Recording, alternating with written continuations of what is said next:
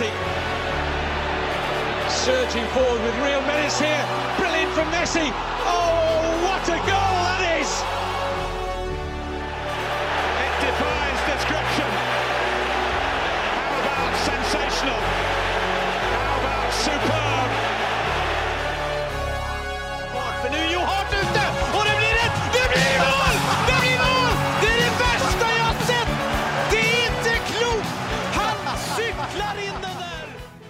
Ja, og god dag, og hjertelig velkommen eh, til podkasten 90 minutter. Den 163. av eh, utgaven. Normalt med Søren, eh, Mats og Thomas, noen ganger med gjester. Men nok en gang har vår kjære favorittysker satt bobilen sin i krabbegir på vei nedover Europa for å saumfare pubkultur, tvilsomme lysthus og diverse breddekamper, kun iført hatt, frakk og crocs, og dermed etterlatt oss helt alene igjen for å lage god podkast. Og, og det skal vi gjøre, Mats, eh, selv om poddens eh, ansikt utad mister Globetrotter Dupker ikke er med oss i dag. Nei, han har meldt pass i dag, altså. Er det, er det greit, dette her, eller? Nei, det er, det er jo på tide nå å finne Erstatter? Ja. Jeg kommer ikke på så mange andre joviale tyskere, men uh, Nei, for vi må ha en det må jovial være en jovial tysker, tenker jeg. som, som har egentlig mye hat i seg. Ja, som, som skjuler det godt, da. Eh, nei, jeg veit ikke hvem det kan være. Nei, det, det må jo være opp til lytterne, da. Så nominere joviale tyskere med mye hat til seg, så, som er interessert i breddefotball, um, tysk eh, popkultur fra 70-tallet, og ikke minst uh, Derek. Er han er ikke så opptatt av Derek, tror jeg. Litt sånn skapnazi der. Nei, eh, Søren han eh, hører vel på oss eh, et sted nede i Europa der, og eh, vi savner han, gjør vi ikke det? Jo, det gjør vi. Han burde vært her. Burde Det vært blir nok et uh, høl i den tyske biten av det. Det, det, det, det gjør det. Vanskelig å fylle jeg- sånne høl. Ja, ja, ja det, det spørs om Søren sliter med det på lysthuset. Du tror han får fylt nok av der? Ja, det kan godt hende, men eh, vi går over til eh, Ja, vi kan begynne med noen Twitter-spørsmål til å starte med, og det er nisselue på her. Han, eh, han tar dette opp med Pogba-problematikken, og at han har tatt menisken og blir borte en stund. Og så skriver han Tenk hvilken karriere han har skusla bort. Eh, I United var han enten skadet hos frisøren eller på andre sida av jorda med NBA-stjerner og rappere. Eh, hvor ofte ser man f.eks. City- og Liverpool-spillere i Los Angeles to dager før kamp? Ja, nei, det er nok ikke så ofte. Eh, Pogba er jo en pakke du får, da, som som du, som du må håndtere på riktig måte for å få maks ut av det. Eh, Jeg tror ikke Guardiola og de typene ønsker sånne hva skal vi si, utagerende folk. Eh, Så, så det er nok litt bevisst at sånne typer ikke er i City og Liverpool. På en annen side, da. eh, Jeg tror Pogba er den typen som kanskje gir litt ekstra for et lag og en trener han brenner litt for. da. Mm. Og det er åpenbart at han ikke har gjort for noen av de som har vært på Old Trafford siste året. Strålende første perioden i Juventus. eh, Strålende i enkelte Kamper. Eh, ja, spesielt for Frankrike, egentlig, i noen mesterskap. Eh, har jo VM-gull og litt sånt, så, så he, karriere er jo ikke helt skusla bort, men går det an å kalle det en Jon Carew uten sammenligning? Ja. Bortsett fra Karia var vel ikke så har ikke noe VM-gull, han? er det? Nei, han har ikke noe VM-gull, men eh, han var glad i litt sånn fame og, og eh, prins Ja, eh, Charles. Jeg husker den, og- husker den overgangen når han gikk til Valencia. Altså Den blide gutten fra Rosenborg, og så kom han til Valencia og hadde en gullkjede og ti mil på konto. Da ble jeg plutselig kvalm med en gang. Passasjer i Rises Ferrari. Em, Magnus Reinsby, guttas fantasyråd og blemmer. Fikk du satt opp fantasy? Nei, Jeg begynte med det på torsdagen, og så kom jeg ikke i mål fordi jeg fant ikke noe som matcha. Og så tenkte jeg fullføre på fredagen. Eh, Det, Det glemte du. det glemte jeg. Mm. Mm. Eh, Men så har ikke jeg vært noe sånn utad eh, egenerklært fantasy-type heller, så Nei, jeg kjenner det er, ikke, det er ikke et stort sår, altså. det er vel stort sett jeg som har vært en Ja, fantasy... Ja, du får, du får dra dette fantasy-lasset, du, altså. Ja, altså, jeg, jeg tenker jo råd, så flytte inn på Darwin Núñez nå, tenker jeg. Eh, like tidlig som eh, seint. Eh, Men, men du kan ikke ha både Nunes og Haaland. hvorfor ikke det? Ok? Det kan du vel? Jeg, jeg ville gjort som følgende nå, hvis jeg hadde liksom fått satt opp dette på nytt. Så ville jeg gjort som følgende. Ideelt sett to City-forsvarere og én Liverpool-forsvarer. Altså det vil si Cancelo, Walker og Trent Alexander Arnold. Er du dekka der? Sj. Begynner å få lite penger allerede, da. Eh, Nei da, nei da. Og så eh, må du ha én offensiv Liverpool, og så har du eh, Nei, to offensiv Liverpool og én offensiv City. Så hvis du tar Haaland, Darwin Núñez og Salah, og utover det så dekker du bare behov. Tror jeg Men, og, og jeg har jo alltid tenkt at City er vanskelig, for det er så mye rullering innimellom. Ja, men ikke på bekka der nå, vet du, for de har jo knapt nok bekker etter at Cucurella gikk til, til, til Chelsea der. Så, altså, det blir jo Cancelo på venstre og Walker på høyre, i hvert fall inntil videre. Men Tenk om Haaland plutselig blir spart en kamp, da. og så sitter du der da med andre- og tredjevalget i Blackburn. Ja, men, men, men jeg tror eh, alle spillere kommer til å bli spart pga. VM-programmet. Så man vil på en måte eh, Kanskje ikke Haaland, da, siden han ikke skal spille VM, så jeg tror kanskje det er kanskje heller et Ja, men da blir du skada. ja, du veit det aldri. Eh, blemmer. Mine blemmer i første runde, det var å velge Kane som kaptein. Det, er kanskje dumt når du veit Kanes målrate i august. Og når du veit Haalands målrate i eh, debutkamper. Ja, ja, absolutt. Og så blei jeg nok lurt av Almirons preseason der. eh. Røyk på en liten Almiron- Almiron-blend med der. Tenkte han kom til å putte nå, vet du, hjemme der, men Ja, men det kan ikke kalles blemme. Tottenham vant 4-1, det blei noe poeng på Kane. Ja, det, nei, det ble ikke det, vet du. Det blei jo jeg blei bare for å oppmøte. ja, men du får jo to hvis Ja, du har sånn spilt er mer enn 60. Stemmer det, stemmer Så jeg satt jo kaptein med fire poeng jeg, til slutt der. Ja, da er det blemme, det er jeg enig i. Ja, Almiron ser jeg ikke på som blemme. Det er jo en, en Ja. kalkulert risiko, vil jeg kalle Ja, det. og han kosta fem millioner, ikke Ja. sant? så det, det, det er sånt som skjer. Um, Få få oppmøte. Oppmøtepoeng i Fantasy. ja, Det får ikke Søren Døpker. Han får ikke opp oppmøte i dag. Um, nei, vi kan bare kjøre på med Premier League-bolken, kan vi ikke det? Kjør.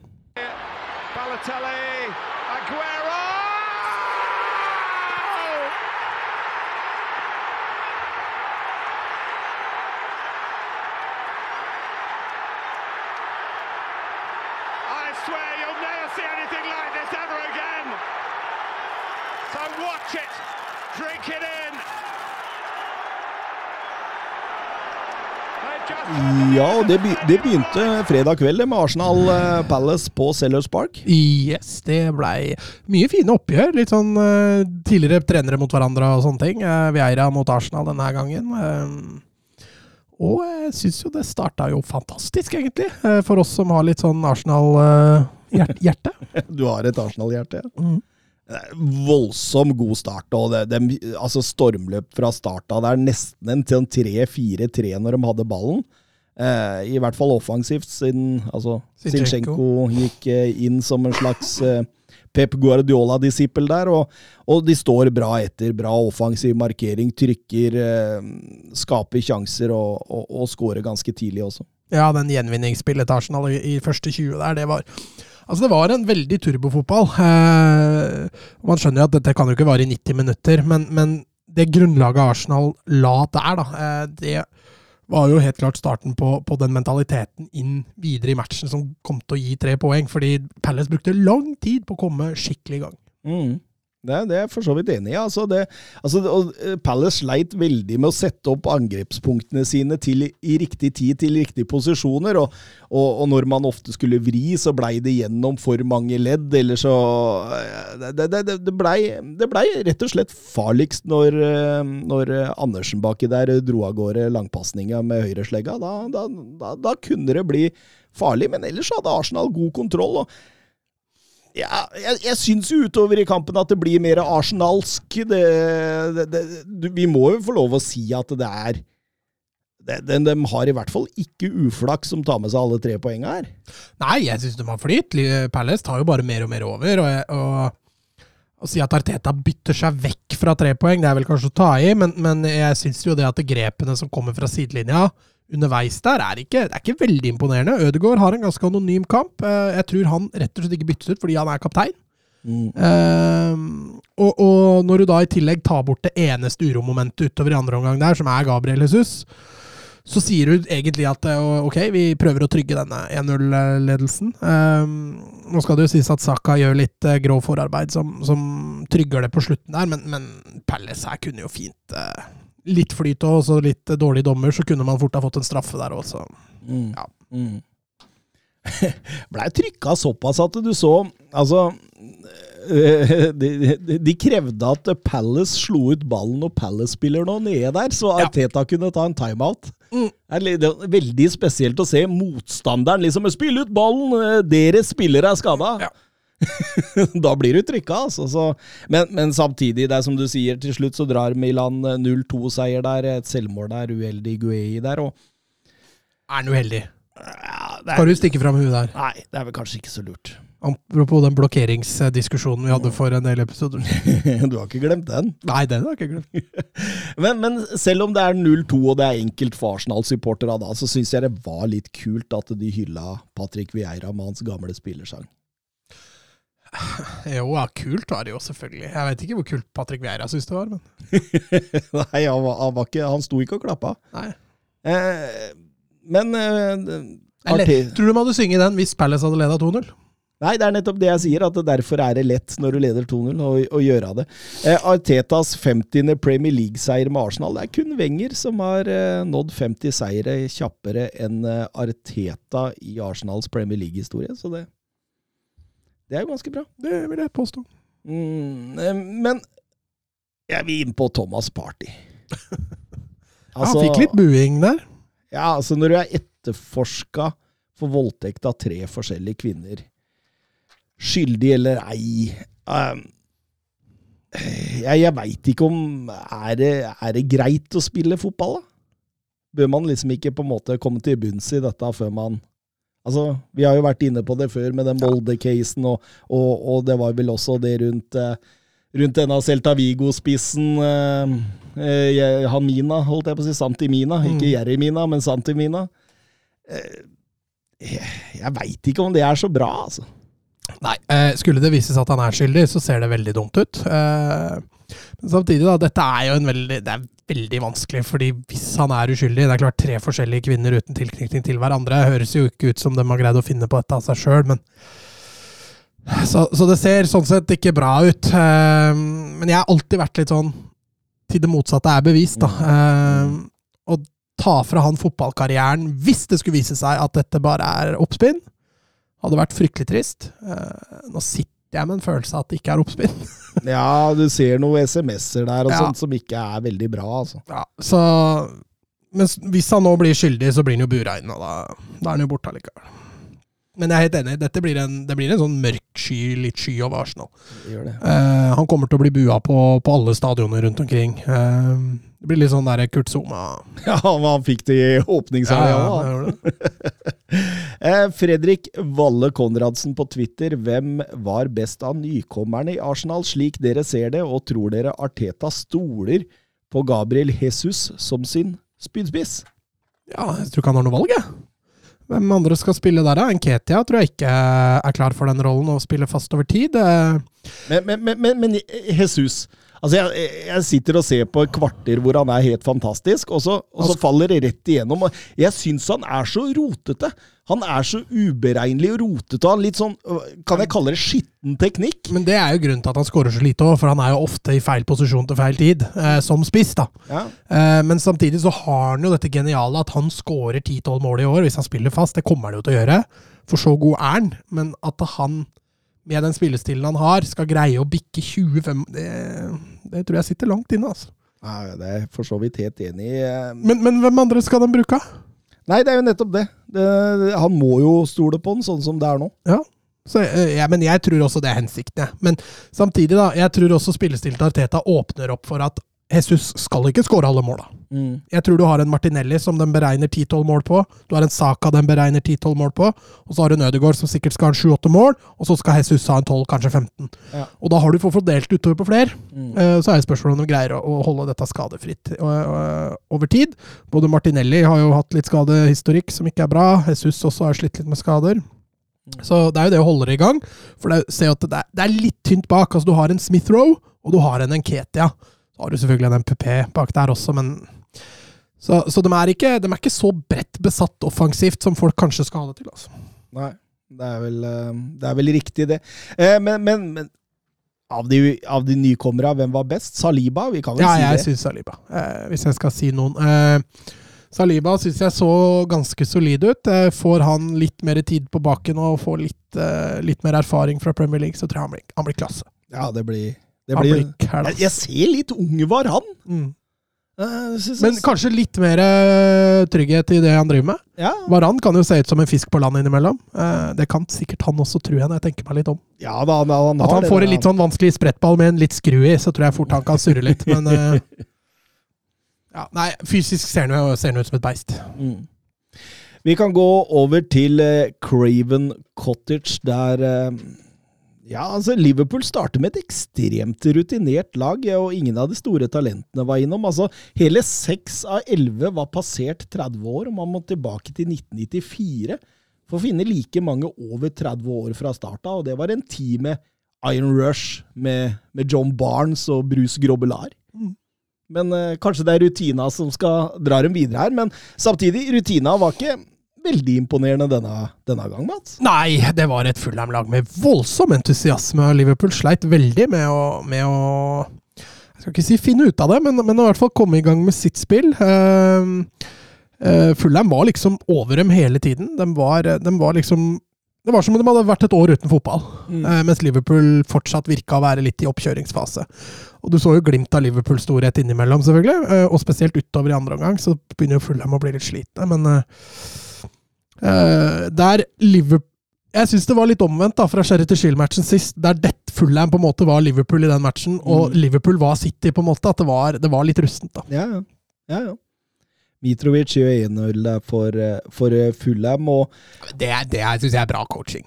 Ikke, kanskje ikke coaching, men smart av Mitrovic. Altså, du legger deg på Arnold, liksom. ja. Du finner den dårligste, og så bevisst innlegg på bakerste. Helt nydelig. Så vil det kanskje bli diskutert om Henderson skulle hatt frispark eh, idet han mister og overgangen skjer der, men Det skulle han selvfølgelig hatt, men eh, jeg syns det er greit at ikke det blir Altså, Så lenge dommeren ikke ikke ser det. Nei, det er det jeg mener. Altså. Hadde VAR gått inn der, så hadde det vært kjipt. Ja.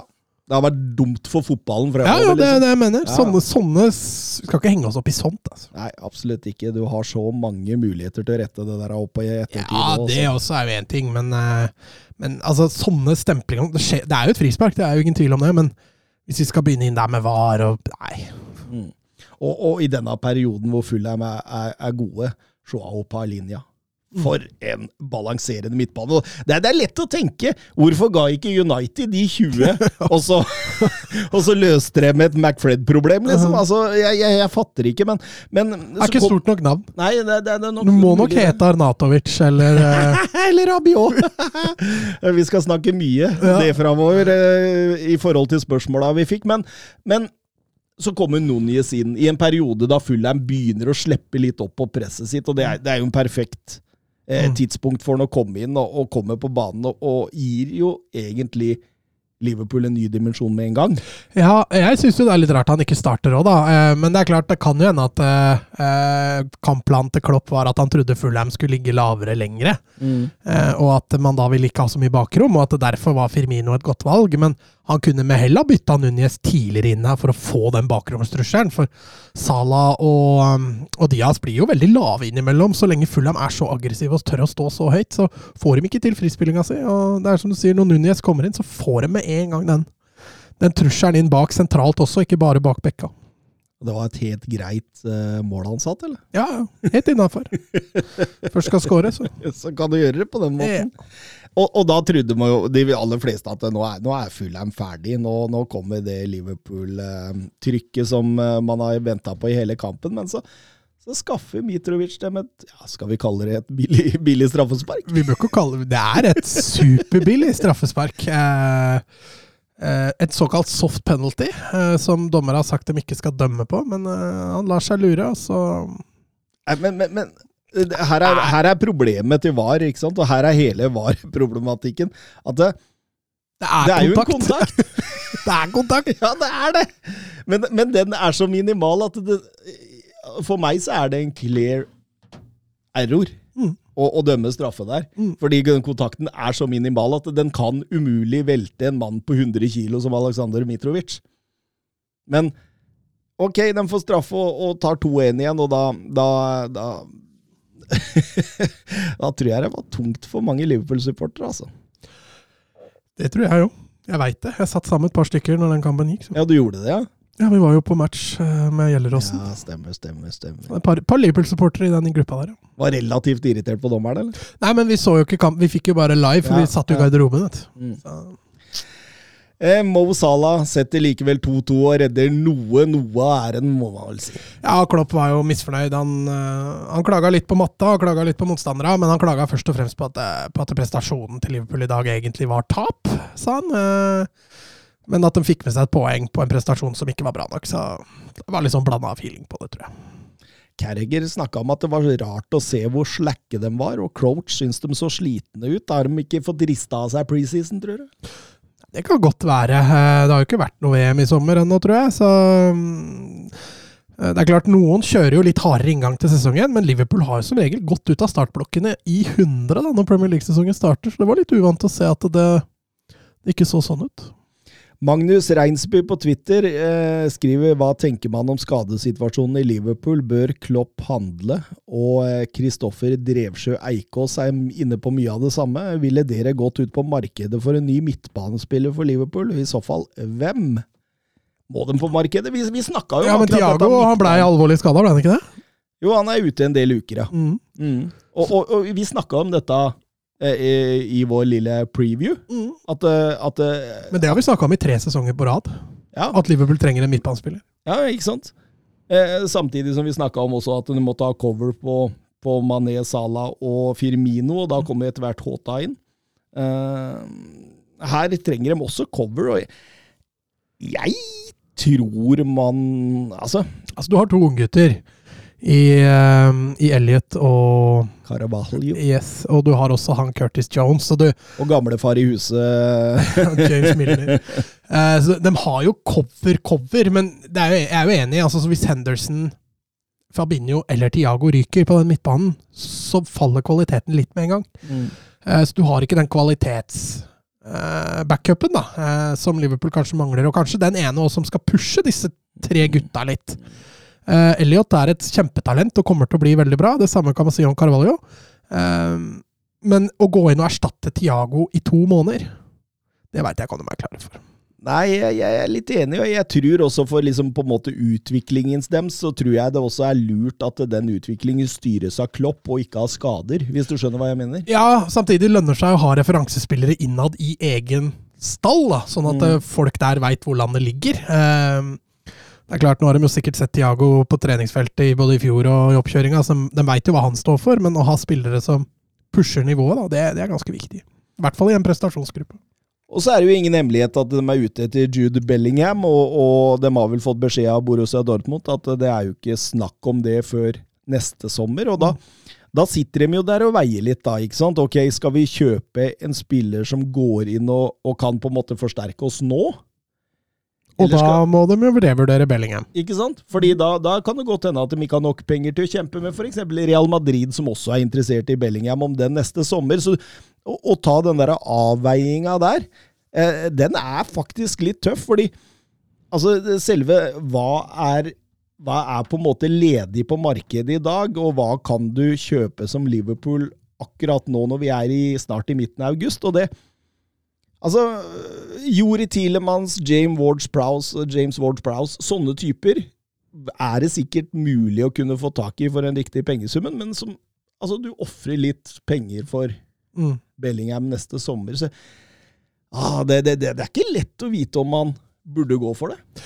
Nei, og så er det jo litt sånn, du har jo den Dortmund, eh, Dortmund-løsninga, da, som kommer henta Modest nå. Eh, og det er jo ikke for et veldig langtidsperspektiv. Og det, det er en løsning også Liverpool kan se på, at de henter inn en spiller som ikke svekker laget, men som kanskje ikke er så langsiktig, da. Mm.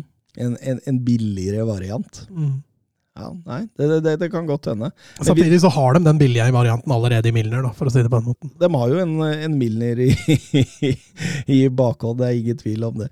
Eh, vanskelig valg. eh, Jeg veit ikke helt hvor jeg ville gått på den. Eh, sannsynligvis eh, kanskje venta. Satsa jeg hadde ikke, jeg hadde ikke henta noe nå. Altså Carvalho, Harvey Elliot, um, Curtis Jones. Dette er spillere som som er store talenter. Kanskje ikke Curtis John skal kalles talent lenger, men, men dette er spillere som kan gå inn og ikke nødvendigvis svekke så veldig. Og skulle det vise seg at Elliot eller Carvalho da har dårlig form, så har de to-tre stykker å spille på. Så Mm. eh, jeg tror ikke jeg hadde gått ut og henta noen nå, og heller pusha litt på disse unggutta. Tottenham, Southampton eh, Conte brukte ingen av, av nysigneringene fra start. Rikarlison var jo i karantene. Både Perisic og Zuma, Bizuma var ikke helt 100 etter skader og, og korona. og Man åpner jo ekstremt svakt for 0-1 i hatten ganske tidlig, for så å ja, klasseskåring av Ward Prowse. Ja. Den timinga. Om han prøver å skyte ned i bakken, eller om det bare er eh, tur, det, det er jeg litt usikker på. Men jeg husker fra når jeg spilte fotball, å skyte sånn ned i bakken fra nesten da 15-14 meter, og så såpass hardt, det, det er ikke lett, altså. Det er ikke lett.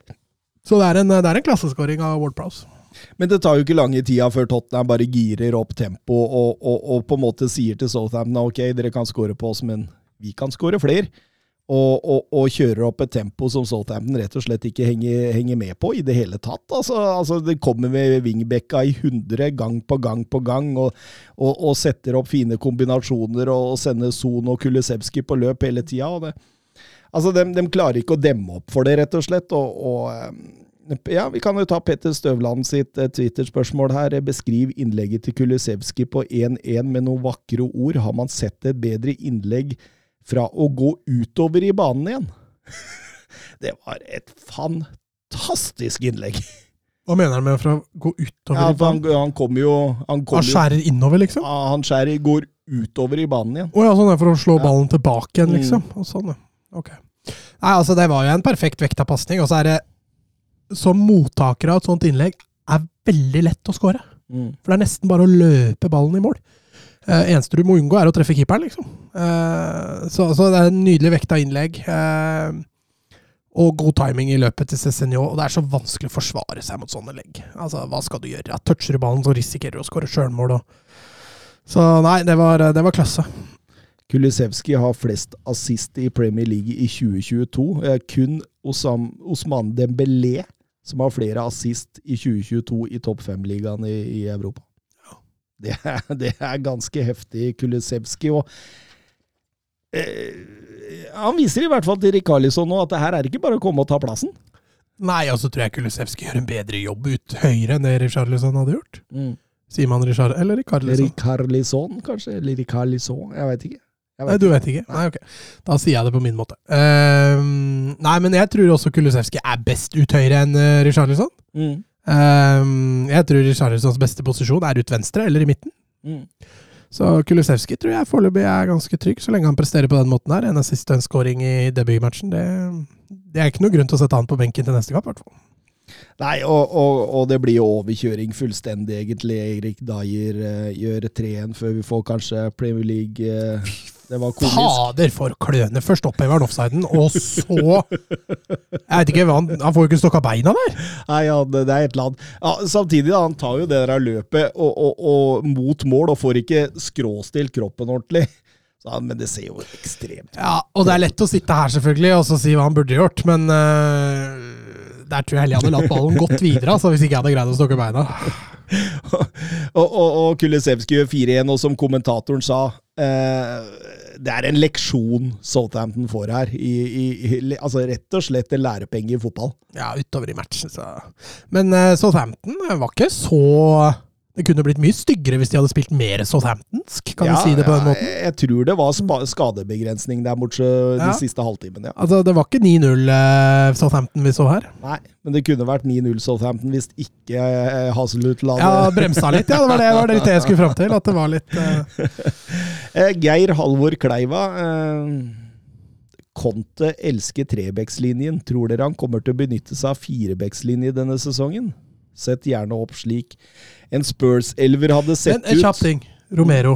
Mm. Skulle han vært utvist på den der Nei. grisen, eller? Nei, gult kort. Fikk han gult? Nei. han burde hatt Men, det. altså, det er greit nok, det. Jeg, jeg er enig. Altså, med den saksa og den farta han har, Ja, det ser helt grusomt ut. ja, og han har noen sånne i, i, i, i hvert fall i Men- annenhver kamp. Altså, Jeg la merke til det var så mye stygge taklinger i den runden her. Det ble ikke noe røde kort. Nei, den, skal ikke dømme soft. Det kan ikke være noe soft red cards i år. men, men soft penalties, det skal det være. det skal det være masse av. Eh, Nei, men altså Firebekslinje? Nei, jeg tror ikke han kommer til å kjøre det. I så fall, altså Det er skadeproblemer i så fall. Ja, og, og små perioder innad i en kamp, men, men jeg tror jo heller han vil hoppe over firebekslinje og gå over til rein fembekslinje når han virkelig vil bli pressa. da. Mm. Og at det er det som er eh, løsningen da. Um, men i fire, la oss si 4-2-3-1, da, så Altså Forsvarerrekka ville jo vært Emerson, eh, Romero, Dyer og, og Cézignon eller Davies. Kanskje Davies pga. det er en firevekslinje. Og så ville nok Høibjerg, Bentancour gått inn sentralt der, og, og Kulisevskij, Rikarlison og Son og Kane. Tenker det må, måtte blitt noe sånt nå. Men det var litt ålreit å se Perisic ut av laget, eller?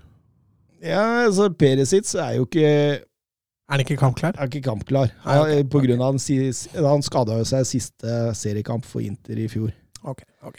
Jeg meldte jo flopp på han, så det var greit å se han ikke spille. Cezinho melder ikke flopp. Han sier eh, hvordan han som mentor på treningsfeltet er med han. Er eh, eksepsjonelt bra. Jo, men de har jo, de har jo ansatt en spiller, ikke en ny trener. nei, nei, men jeg bare, han- ga jo blant annet Perisic æren for måten han skårte målet sitt på. Så Så han er allerede ikke en flopp, kan du si. Han har allerede, han har allerede lyktes, det er det du prøver å si. Egentlig så har jeg feil. ja, så grønnjævlig òg. Eh, Everton-Chelsea, kanskje den kjedeligste kampen i Premier League jeg så denne runden.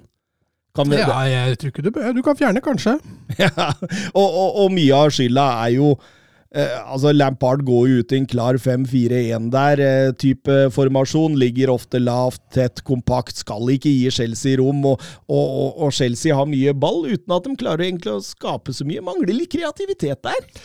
Ja, Chelsea skuffa litt mot etablert. Samtidig så var vi litt innpå det under tabelltipset, at et, et Everton-lag som får på plass det defensive, vil jo ha mye større sjanse for, for å overleve Premier League i år. Um, så syns vi så litt tegn til begge deler. Ehm, nå skal det jo også sies at Chelsea lider altså, av å ikke ha en rein nier, litt sånn som vi har snakka om med City tidligere. Men her mangler man grunnspillet offensivt som City har, da, til å skape sjanse på sjanse. og så Det har ikke Chelsea, så den blir mye mer avhengig av at enkelte skal gjøre det bra Mm. utafor lagprestasjoner. Da. Det, det, det lider man under når man møter godt organisert defensive lag. Mm. Ja, og de, de sliter voldsomt med å bryte ned med Everton. og jeg vil på mange måter si at den, eh, det straffesparket til Chelsea er litt soft, det også. Ja, det kan vi si. Men, men Shilwell får det og Litt, gjør litt klarere enn uh, Fulham. Ja, det, det, det var det. det var det. Men Jorginho setter det, og da ja, altså, Han hoppa ikke. Nei, han hoppa ikke. Men, men, men Everton får løfta spillet sitt kanskje litt utover i annen omgang, og det måtte de Ja, kanskje ja. De kan jo ikke gå for 0-1-tap, så de måtte, jo, de måtte jo løfte seg litt. Men allikevel da også skuffer Chelsea litt, grann, at de ikke greier å Når de plutselig får litt bakrom uh, og jager, så, så ser man igjen savnet av en som kan strekke litt. og det Uh, Everton skaper jo for så vidt ikke all verden, så det er, det er jo aldri ordentlig farlig eller ordentlig trua, føler man. Men en litt mer kvalitet, for du ser Everton mangler en nier, dem òg. Vi snakka vel om det i tabelltips, og at Calvert Lewin må holde skadefri. Og det gikk jo nøyaktig tre kvarter, det. Så var han På treninga før, liksom. Og, og, og når Godfrey, den var stygg. Den, Ja, den- ah, det er ikke noe godt, altså. Det, det Og du ser det går galt. Med en gang så du det. Og Jeremina får skade utover der. Og Everton får det, liksom. De, de får det. og Nå har de vel henta Conor Cody og Amadou Onana fra, fra Lill her nå, for å styrke det defensive. Begynner å få mye stoppere. Begynner å få mye Når alt dette er skadefritt, så skal det bli gøy å holde dette fornøyd. men men eh, jeg, jeg tror jo det er en, Men var Michael Keane skada òg? Han satt på benken. Han satt på benken, men han ble jo ikke kasta inn der når skadene begynte å melde seg. Nei. Men det er klart, du ligger under 1-0 og får en skade på en stopper, så klart kanskje, kanskje. Og du har allerede to på banen. Ja, ja. Kanskje ikke noe vits å kaste inn på en ny tredjemann. Så, så, så sitter jeg også og tenker at det, det måtte jo være at altså Kampen den hadde jo 18 minutter eh, tillegg pga. skaden og di, diverse, egentlig. Ja. Eh, så, så, så spilletida kom i 108 minutter på den kjedeligste kampen jeg så. Det er, det er typisk. Det er typisk. Det er typisk. Jørgen Nystuen spør er Fofana i Leicester verdt godt over 70, eller drar Leicester god nytte av Chelseas desperasjon nå? Jeg, tror Fofana har potensial til å bli verdt 70 en gang i fremtida. Mm. For han er jo en sånn stopper som, som kommer til å bli verdensklasse. Eh, Akkurat nå er han jo selvfølgelig ikke verdt 70. Eh, og så, ja takk, begge deler kanskje. Eh, Leicester kommer jo selvfølgelig til å melke det for alt det er verdt. Han har jo lenge igjen av kontrakta si, så det er ikke noen grunn til å slippe ham billig. Eh, og, og Chelsea er jo desperate, det ser du jo, altså den kampen her. Når du ser eh, Koulibaly begynner å slite, eh, og så ser du benken da til Chelsea. Jeg måtte jo inn og sjekke, og det, det vokser jo ikke stoppere på trær der. Det var Shabola, liksom. Nei, Shaloba, mener jeg. Eh, og that's it. Og, og du veit jo at de har jo heller ikke all verden i bakhånd. De har noen unggutter. Uh, så denne Chelsea At det at Tottenham skal spille med firebekslinje, tror jeg er mindre sånn enn at Chelsea, som faktisk kanskje må spille med firebekslinje, for de Blir er tom, tvunget til det. tomme for stoppere, rett og slett. Ja, det, det, de var jo Sarr er vel på vei til Monaco nå. Colville gikk jo eh, som en, eh, en del av denne Cocorea-dealen, så det begynner å tømme tømmes i Men Kukurea har jo spilt venstre stopper i Brighton, da.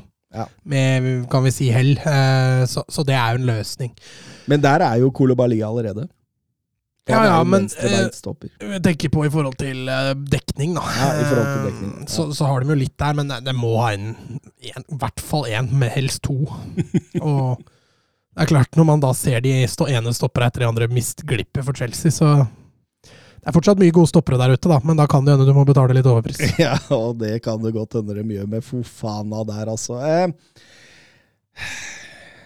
ja, vi kaller det elefanten i rommet, i hvert fall i forhold til alle Twitter-spørsmål vi har fått om det. Manchester United de fikk besøk av Brighton, og Jeg syns han får godt betalt i starten med denne falske nieren, men at han ikke justerer midt i første omgang der eh, Nei, jeg, jeg, jeg, fatter ikke helt sjøl, jeg. Og E- Eriksen falt jo bare lenger og lenger tilbake i banen jo lenger. og, og, og at Sancho og Rashford da ikke er større Altså, Brighton spilte jo mann-mann. Og sto høyt. Og sto høyt, ja. Ja. Ett dypt løp der. Det, det kommer jo ikke fra McTominay eller Fred, så det må jo noen andre stå for. Men at da spillere med fart, da, som Sancho og Rashford, ikke er mer truende inn bak Eriksen, som faller dypt og bredt. Veldig, veldig merkelig. At, at de ikke kommer fri i bakrommet, på, i hvert fall et par ganger. Altså, la oss si med en langpasning eller noe sånt. Mm. Jeg, jeg, det, er, det, det, det er helt hinsides. Og det er helt hinsides hvordan de driver på der. Og, og eh, så det, er, det er ingenting å si på at uh, Brighton uh, begynner utover i kampen å vaske gulvet med dem. Nei, det er ikke Altså, fra, fra sånn rundt kvarter 20 minutter og fram til 70-75 minutter, så syns jeg Det ser ut som det er Brighton som er hjemmebane, egentlig. Magnus Reinsby, hva tenker dere om McFred, skriver han på. Jeg syns Mac begynte bra. Fred var ganske eh, svak hele matchen, egentlig.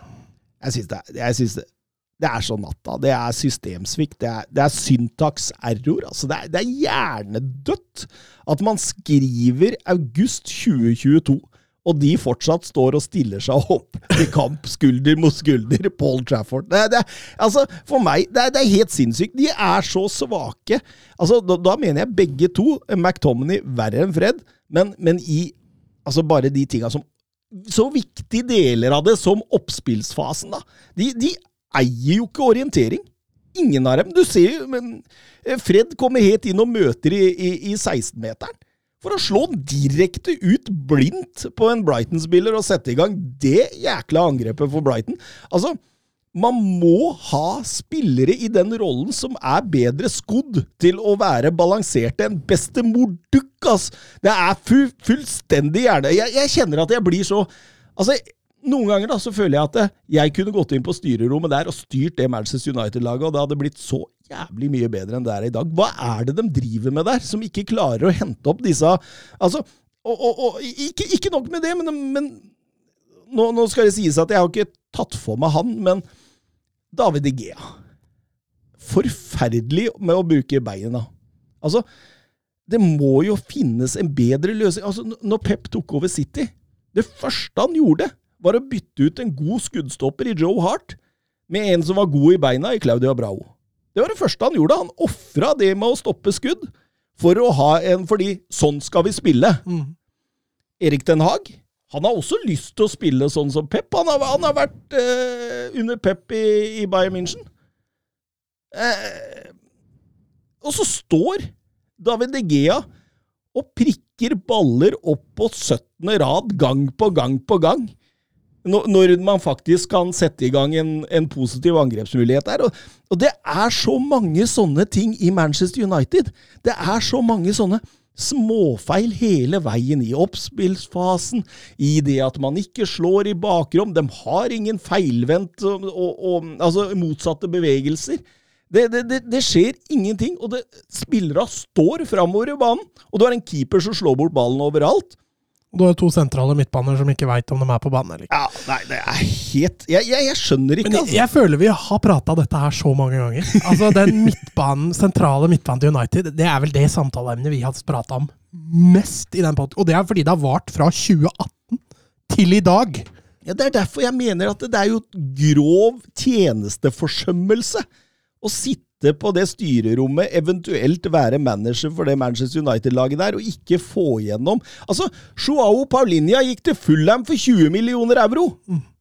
Altså, der har du den perfekte spiller for å gå inn og balansere dette. Ok, han er 27-28 år, han er kanskje ikke det der navnet som selger masse drakter, men han gjør den jobben Fred og McTomney ikke gjør.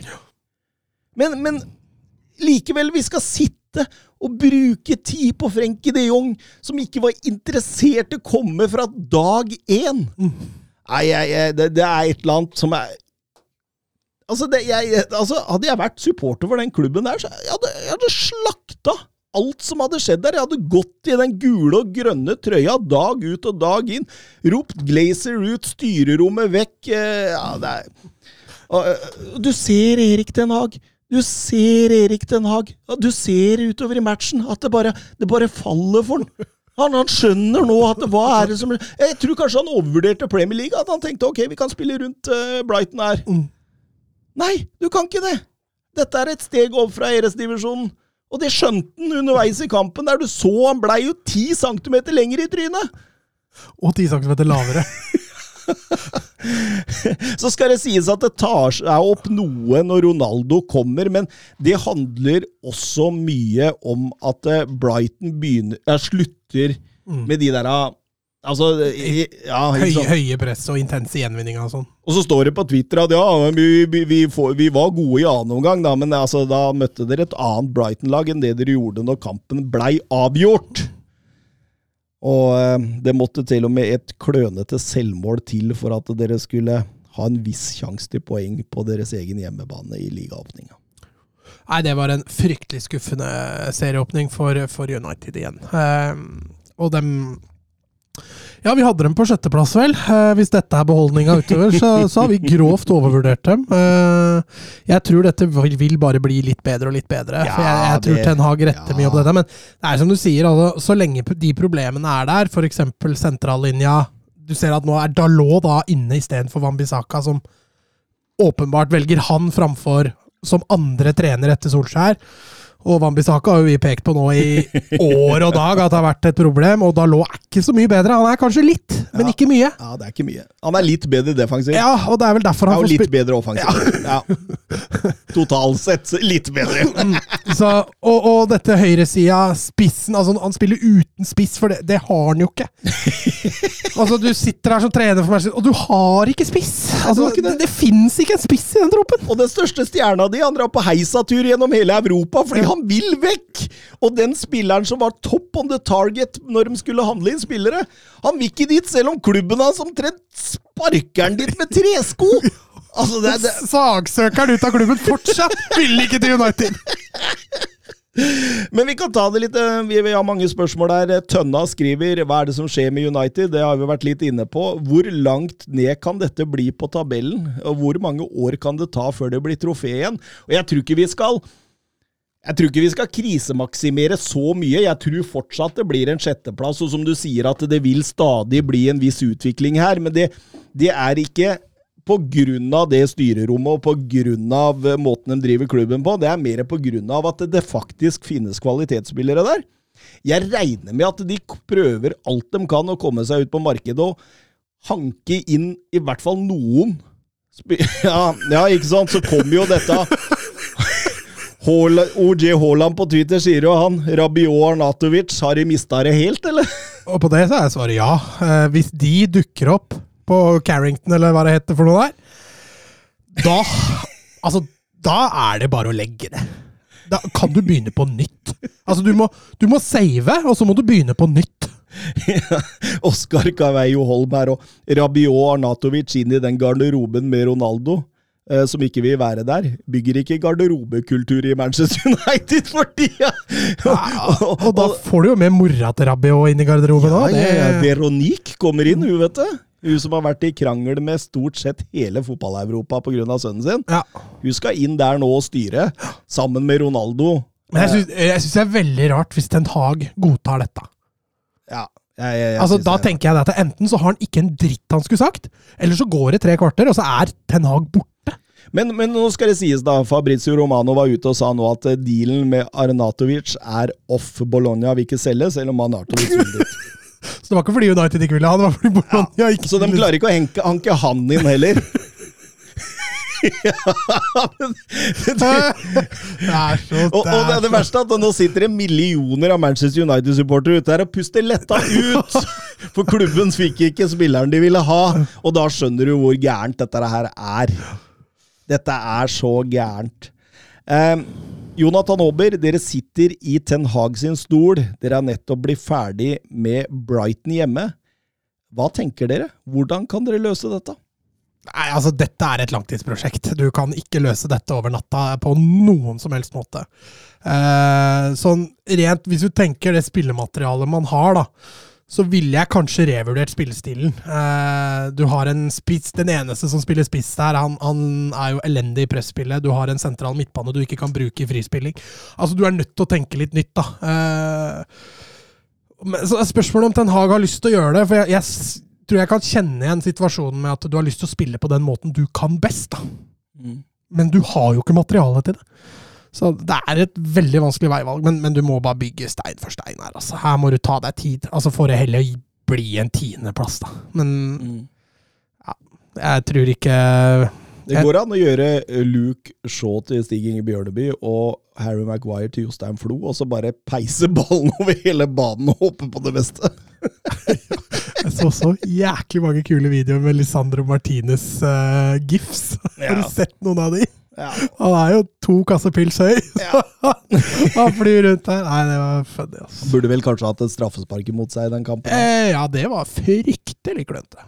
Mm. Eh, men på kort sikt, da, så, så er det jo sånn Altså, jobbe knallhardt for å finne én, kanskje to balansespillere. Eh, minst en høyrebekk, en høyrekant, en nier, som vi har sagt i hele sommer, eh, eller i to år. Eh, eh, forteller styret at Ronaldo kan gis bort, og at Arnatovic og Rabiot ikke er ønska. Og så ville jeg gått inn på feltet, jobba med defensiv organisering, frispillingsfase og kontringsfotball fort som fy. Jo, men akkurat defensiv trygghet og kontringsfotball, det kan du jobbe med med det mannskapet du har også, for du har mye fart. Eh, du har mye defensiv kvalitet. Eh, det du ikke har, det er ballspillere sentralt. Mm. Eh, og da legge opp mye til si, frispillinger, etablert angrep. offensiv kvalitet, da. Det er jo litt det du mangler. Altså, Rashford er ikke noe utprega god, etablert angrepsspiller. Eneste kanskje bra offensiv etablert, det er Eriksen og Sancho. Mm. Uh, men det er klart, det er ikke så lett å få til det når du har to mann som kan det, liksom. Ja, for Bruno har jo ikke vist seg for å være det. De ja, Det har han ikke vist på et år. Nei, nei. Og han har vært helt ute av det. Uh, Svak også denne gangen, Bruno. Ja, jeg syns det. Ja. Og det at den ikke scorer på den første der, er jo Det ser ut som han ikke veit helt hva han skal gjøre. Og Han kjenner ikke helt rollen sin. Han virker litt sånn. Eh, Steffen Hansen på Twitter, nå som man vet hvilken hylle Manchester United ikke kan plukke fra på overgangsmarkedet. vi må under Anartovic, da er jeg litt usikker. hvilken spiller ville dere gått for i de utsatte posisjonene? Lene Olsen, kanskje, da. Skal vi begynne med nieren? Eh, veldig vanskelig å hente nier nå, fordi det er så mange klubber som har liksom Det er litt satt. Ja, enig. Og så har jo Sesko nå klar for Leipzig, Ja. så han blir ikke. Nei. Uh, jeg, jeg, jeg tenker man må til disse litt lavere ligaene. Jonathan David i Lill, kanskje. Evan Nilsson i Porto.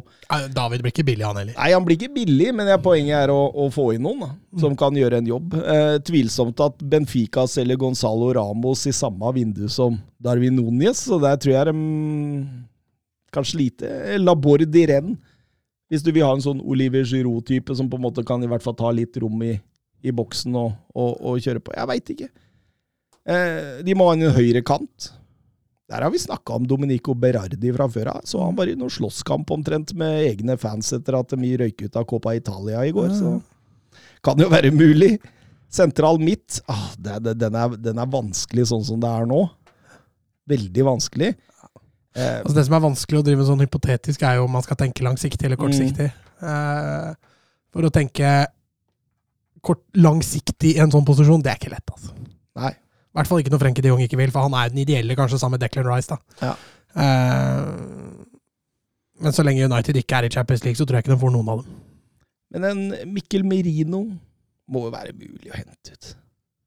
Han er i hvert fall den driveren, da, og så kan du ha en mer taklingssted, hvis du skjønner hva jeg mener. Hvis du, Ja. hvis du går for den duoen eh, sentralt. Eh, eller Ruben Neves, eh, Ugarte i, i sporting, hvis du vil ha litt framtid. Det er vanskelig å si. Høyrebekk der. Der er det jo nesten ingen å plukke fra, fordi altså spennet mellom verdens beste høyrebekker og de nest beste, det er så gedigent! Det er helt vilt. altså. Jeg, var- jeg, jeg, jeg sjekka kanskje James Justin eller Pedro Porro, liksom. Selv om Pedro Porro er en typisk wingback, så er det liksom Ja, Han har vel akkurat signert for Sporting òg, så den blir ikke billig. Det blir ikke billig. Nei, så det, det, det er jo et vanskelig marked også, når, når vi først har gjort mye narr av dette. Det er et vanskelig marked de jobber på. Ja, men for en klubb da, som United, som, som har den posisjonen de har, så skulle man jo tro det var enklere å få spillere dit. Samtidig så har de nå over tid vist at de ikke hører Er ikke gode nok til å kjempe i toppen over tid. Uh, det er for stor avstand fra, fra City og Liverpool og nedover. og det, det er ikke sikkert det frister, og det er jo også det også, å gå til United, Chelsea, Arsenal og til dels Tottenham også. Du er ikke sikra Champions League, vet du. Nei da. Du er ikke det. Ikke i det hele tatt. Em, vi lar det være Manchester United-supportere. Vi går til uh, den blå siden av Manchester, og der, der ser det atskillig mye bedre ut med en norsk viking som uh, herjer i første serierunde, Mats. For det, det Haaland gjør Altså, Der ser du hvorfor han kjøper den. ikke sant? Jeg syns ikke han herjer. Ja, men Altså, det han, sånn- han avgjør kampen Jo, alene. jo, jo, og han skårer to mål og, og er avgjørende sånn, det er ingen tvil om. Han skaffer straffesparket sjøl og, og skårer på den måten. Det andre målet der er jo klassisk Haaland. Eh, men at han er så veldig dominerende i spillet til City, Neida, det, det syns jeg ikke han er. Og, og dette tror jeg kan bli en liten bane for City. At de må bli bedre nå i etablert forsvar når de har Haaland på banen. For å kunne, både første for å spille på styrkene hans, men nå mister de i større grad en kombinasjonsspiller. Som de har hatt tidligere, enten med Gabriel Jesus eller at De Brøne i en, eller Foden i en, i en falsk nierrolle. Nå mister de en ekstra, kall det playmaker, da. Eh, fordi de får inn en, en Haaland. Og da, da kan hende de tar litt brodden ut av det etablerte angrepet. På den annen side, Westham borte og ligger litt lavt der og kontre. Jeg tror ikke det er eh, Det var ikke en dårlig recipe, det heller. Det, det, det var ikke det. Vebjørn Fredheim på Twitter. Eh, Braut Haaland. Mange har sagt man vet ikke hvordan dette vil gå fordi de spiller en angrepsfotball som ikke krever en angriper. Hva tenker dere? Uh, Nei, det er jo forskjell på ikke kreve og ikke ha godt av. mm. Eh, og og det er jo klart det at når Pep blinker ut han som en target, og, og han blir henta, så er det jo åpenbart fordi man tenker her at man, han, han gir dem jo en dimensjon de ikke har hatt tidligere. Ja, Ingen tvil om det, og det ser du på 2-0-gålen. Og for så vidt 1-0-gålen.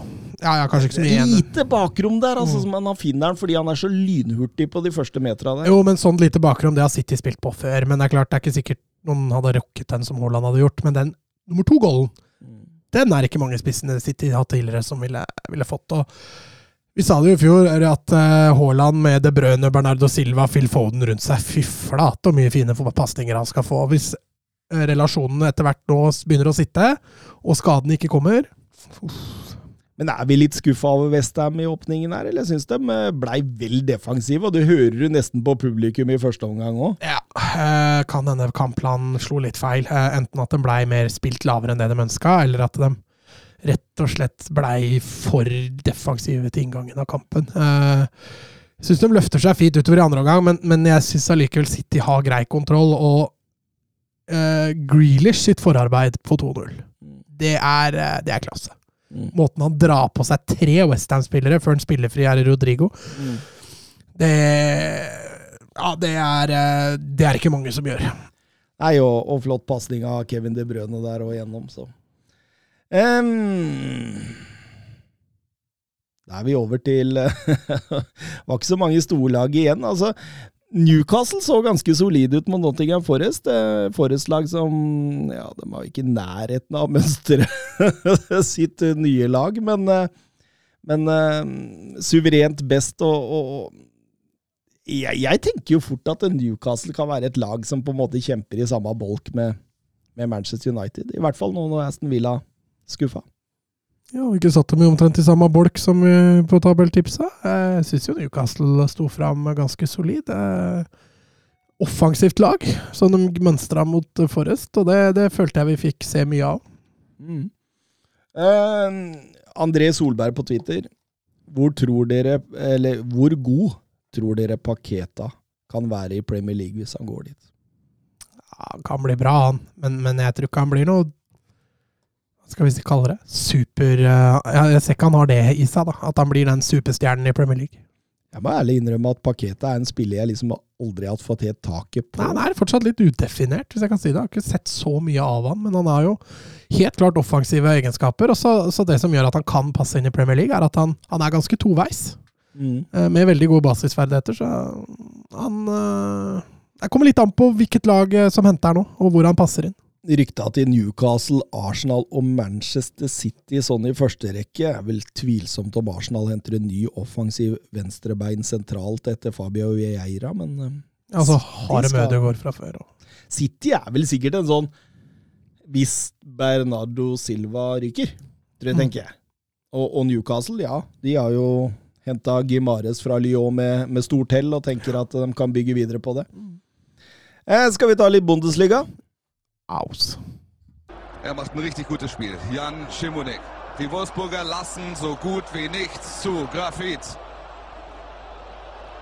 Grafit gegen Lell. Jetzt wird's eine Demütigung. Guckt euch das an. Bist du verrückt? Bist du verrückt? Tor des Jahres. Die Bayern der Lächerlichkeit. Bayern München eh, var på besøk i Frankfurt, og et Bayern München uten Robert Lewandowski. Altså en ny tid uten at favorittstempelet er noe særlig svekka for Bundesliga-tittelen, og, og det, nok- jeg det var nok litt spenning for en Bayern-supporter å se hva er det vi får nå uten Lewandowski. Ja, da det- fikk han jo gåsehud de første 45, i hvert fall. Ja, eh, men eh, når eh, Kimi slurrer inn, var åpenbart at det var noe de hadde sett på. Eh, løper rett bort til tre- keepertreneren til Bayern der og feirer. Og, så det var tydeligvis noe de hadde utpekt, at eh, Trapp eh, står langt fra første stolpe på frispark. Eh, men bra satt, og etter det så så jo ikke Bayern seg tilbake før, Nei, altså, det- før andre omgang.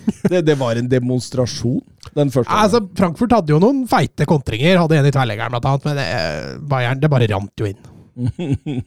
og, og, og sentral i alt, sa det jo Mané.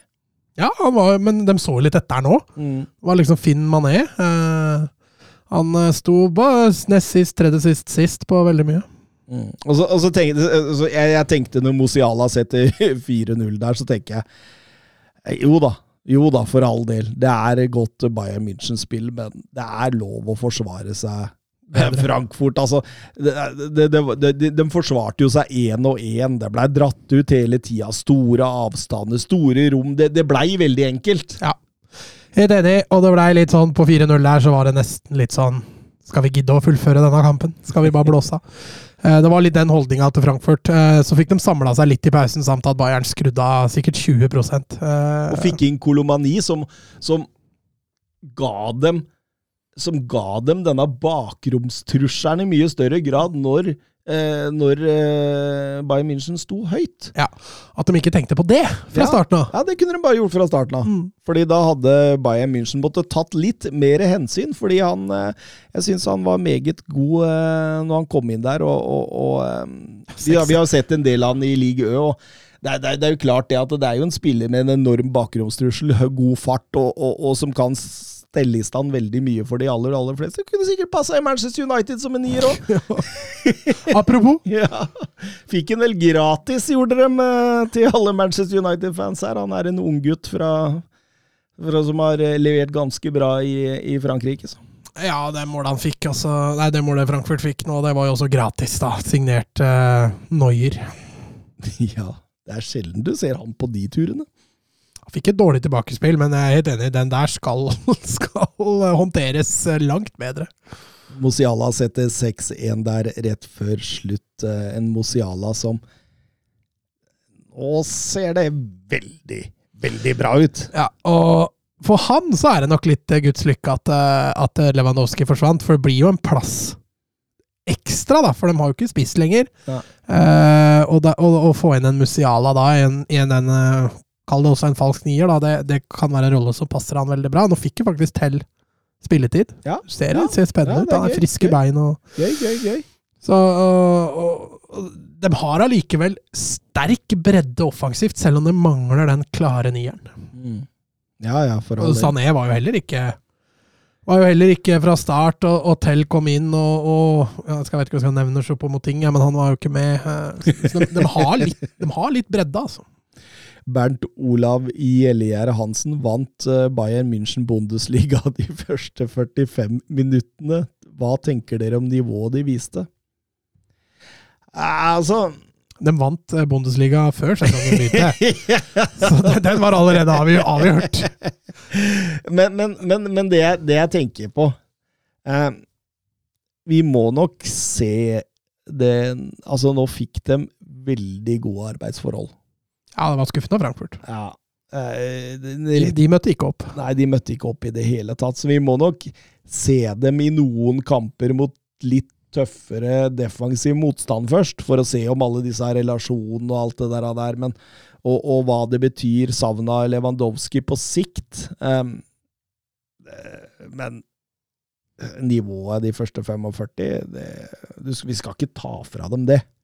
Nei, er du gæren. Eh, de viser en vinnermentalitet der Frankfurt ikke er i nærheten. Eh, og du ser det også når de scorer. Altså det, er, det er vill feiring på de fire første måla. Eh, som om, om det betydde all verden. Eh, så det, det viser jo det at det betyr noe for dem. Eh, det at de allerede har ni strake gull, eller hva det er for noe, det, det betyr ikke noe for dem når sesongen begynner. De, det er liksom på nytt hver gang. Og det, det er en vinnermentalitet som, som du ikke ser overalt, da. Du ser det på de største, beste laga, at hvert mål betyr noe. Og det, det så du på Bayern nå. Så er det artig å se bilder av Sadio Mané med megafonen oppå supporterne etter kampen og feire med dem. Det, han kan nok bli en liten publikumsyndling, eh, denne Sadio Mané. Han uh, har sett for seg det, ja. Mhm. Skal vi også sies at Filip Kostic ser ut til å være tapt for Frankfurt på vei til Juventus for å, å, å sende venstrebeint innlegg inn på panna til Vlaovic. Ja, det er ikke dumt. Det er nok ikke dumt. Eh, Vi kan gå videre til Dortmund, der to av lag, ja, møtte jo Leverkosen, og det er jo to av lagene som ofte blir tippa nærmest eh, Bayern München denne sesongen. Eh, Altså en skikkelig toppkamp, Mats. Mats. Det var det. Og det, vi fikk jo en tidlig scoring med Royce der, som Er det lov å si krangleren inn? Ja, det var litt diskusjon av hvem som egentlig skåra det målet. Blei vel eh, kreditert til Royce. Den ballen var vel aldri over streken fra Diemi. Eh, så han fikk ikke første skåringa si der, og den tar nok en stund før han får, dessverre. Eh, med den skaden. Men Royce krangler inn eh, 1-0 der, og Dortmund ser seg jo sånn sett heller ikke tilbake dem heller. Det tar litt tid før Leverkosten kommer inn i det. For meg, høydepunktet i den matchen er allikevel Radeski. To minutter på overtid der. og får et direkte rødt kort for Williams Felix Bruch. Var, ikke, var på skjermen der og, og bare nikka. Han er langt utafor òg. Det er så klønete at ikke linjemannen tar det heller. Det skjønner jeg ikke. Heldigvis da, så var det såpass seint at eh, Ja, det for- noe Det var vel litt på overtid der, så Men, Han hadde bytta fem mann der, så Tapsoba måtte gå inn i målet der. ja, men eh, jeg syns det var ganske solid av, av Dortmund. Noen feilskjær. Du ser eh, Slåttebekk trenger litt tid for å komme inn i det. Hummels er fortsatt gammel. Så det ser litt uh, hanglete ut, men jeg syns Leverkosen skuffa mer enn en, eh, enn, eh, Dortmund. Og Schick ser faktisk litt rusten ut. Par av de bommene han har i den matchen, det, det ligna ikke han i det hele tatt. Men, men, men samtidig, da, Sioane, en offensivt anlagt eh, manager eh, med et offensivt eh, anlagt Leverkosen der, og så er det som du sier, de skuffer nok litt. Men jeg, jeg tror det kan handle om at jeg, jeg syns jeg ser et lite skifte i, i måten uh, Dortmund tilnærma seg denne kampen på. Altså, eh, slike kamper som dette spesielt, eh, så, så fikk vi jo ofte servert komistunder av, av, av stor, stor eh, underholdning forrige sesong.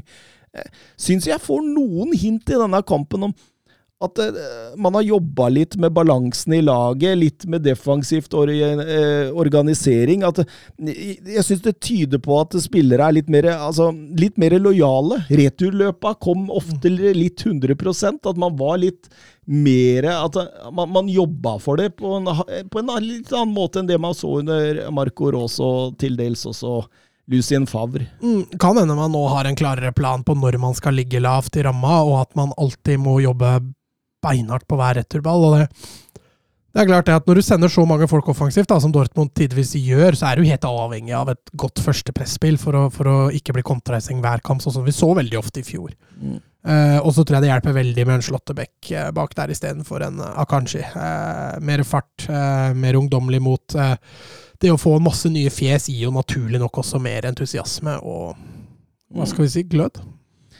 Og så på grunn av både Haller og Adeyemi så har jo Dortmund henta Modest fra Köln nå. Ok, 34 år, men Der Det- har du en kortsiktig tankegang. Ja, og, og, og samtidig kanskje en enda mer typisk Dortmund-angriper enn det Haller egentlig var. Ja. Det er ikke sikkert det er så dumt for denne sesongen. Nei, jeg tror Modest fort kan putte en god del i. Eh, blir veldig, veldig spennende. Um, Stuttgart, RB Leipzig eh, om, om vi nevnte Chelsea-Everton som eh, den kjedeligste kampen i Premier League jeg så, så var vel dette den kjedeligste kampen i Bundesliga jeg så. Jeg syns Leipzig starta, starta friskt, og, og når det ga seg, så var det Det var eneste underholdningen offensivt da var litt kontringene til Stuttgart. Ellers var det Ja, for det var litt Stuttgart anno 2021-sesongen, dette. Ja, det var det. Det var mye fart framover, og de kommer helhjerta stort sett hver gang, så mangler det litt på presisjon her og der, men eh, ser Leipzig stanga litt. Mm. Eh, litt sånn som de hadde i starten av fjorårssesongen under Jesse March. Eh, så får vi se om dette løsner. Jeg tror nok det løsner, eh, men eh, To lag med ganske lik formasjon, som spillere ble, kom ofte én mot én mot hverandre hele veien der. og men altså Leipzigs klart beste laget, syns jeg. Jeg syns de styrer det meste. I Eh, hvert fall mot slutten. Da ja. var det jo fullstendig panikk der. eh, Ja. Altså. de men, men det går lang tid mellom hver store Leipzig-sjanse, og det er klart at da, da blir det vanskelig å skåre flere mål. da. Ja. Syns Vi trekker fram Kevin Campbell jeg, som en sånn Altså, jeg tror ikke RB Leipzig er veldig tjent på å ha han på sentral midtbane i slike typer kamper. For han, det blir litt for lite tempo i det. Altså, altså han, han er For lite kreativt. God, ja, og ikke god nok til å fordele ballene. Du ser med en gang Soboslai kommer inn og tar den rollen, så blir det bedre. Det blir en mer flyt over det. Eh, Så, så, så jeg, jeg syns han bør tenke seg om i disse kampene hvor de skal styre. Da. Men samtidig, da, kontradekninga med Kampel kontra Saboslai. Hørte du kommentatoren på Saboslai? Det er mulig vi uttaler det feil. Jeg, nå husker jeg Nei, ikke hva han det er, det er han som uttaler det feil, og det har han gjort siden han Ja, men det var engelsk, jeg. Jeg Ja, okay, på engelsk. jeg hørte han norske. Jeg hørte på engelsk, jeg. Det er like greit. Mm. Uh, uansett uh, Men hvis både han norske og han engelske Da er fortsatt vi rett. Er Zuboslai. Men, eh, Men, men sier, sier, sier de Sobosolai? Nei, Sobosloi? Ja, fordi, fordi han eh, norske, han sa Sobosolo- Soboslolai Soboslolai. ja, ja. Soboslai. Jeg tror, det, det er i hvert fall det det skrives. Med en stemt z, eller en z, så, ikke så farlig. z. Eh, men jeg er enig, sånn som kampbildet ble utover, å få ut Kampel og få inn på Saboslai, det hjalp offensivt for Leipzig. Men det er klart, kontradekninga når du fjerner Camp Campbell Kevin Campbell, gamle storskåreren i, i Everton og eller, so, eller Soul Campbell, om du vil. Kevin Campbell, det, du mister jo litt balanse og, og trygghet. da. Ja. Eh, Mot slutten av kampen der så fikk vi vårt eget lille Thomas eh, Party-øyeblikk når Atakan Karasor kommer inn for eh, Stuttgart. Altså, Thomas Party er én ting, men Karasor sitter, eller blei fengsla i sommer eh, på Ibiza, anklaga for voldtekt, og sitter egentlig inne, men er løslatt på kausjon i påvente av rettssak. Den er, den er verre! Men uh, faen, er det for noen disse fotballspillere som tar seg til rette overalt? Jævla irriterende, for å si det sånn. Ja, eh, faen, det ødelegger så mye. Mm.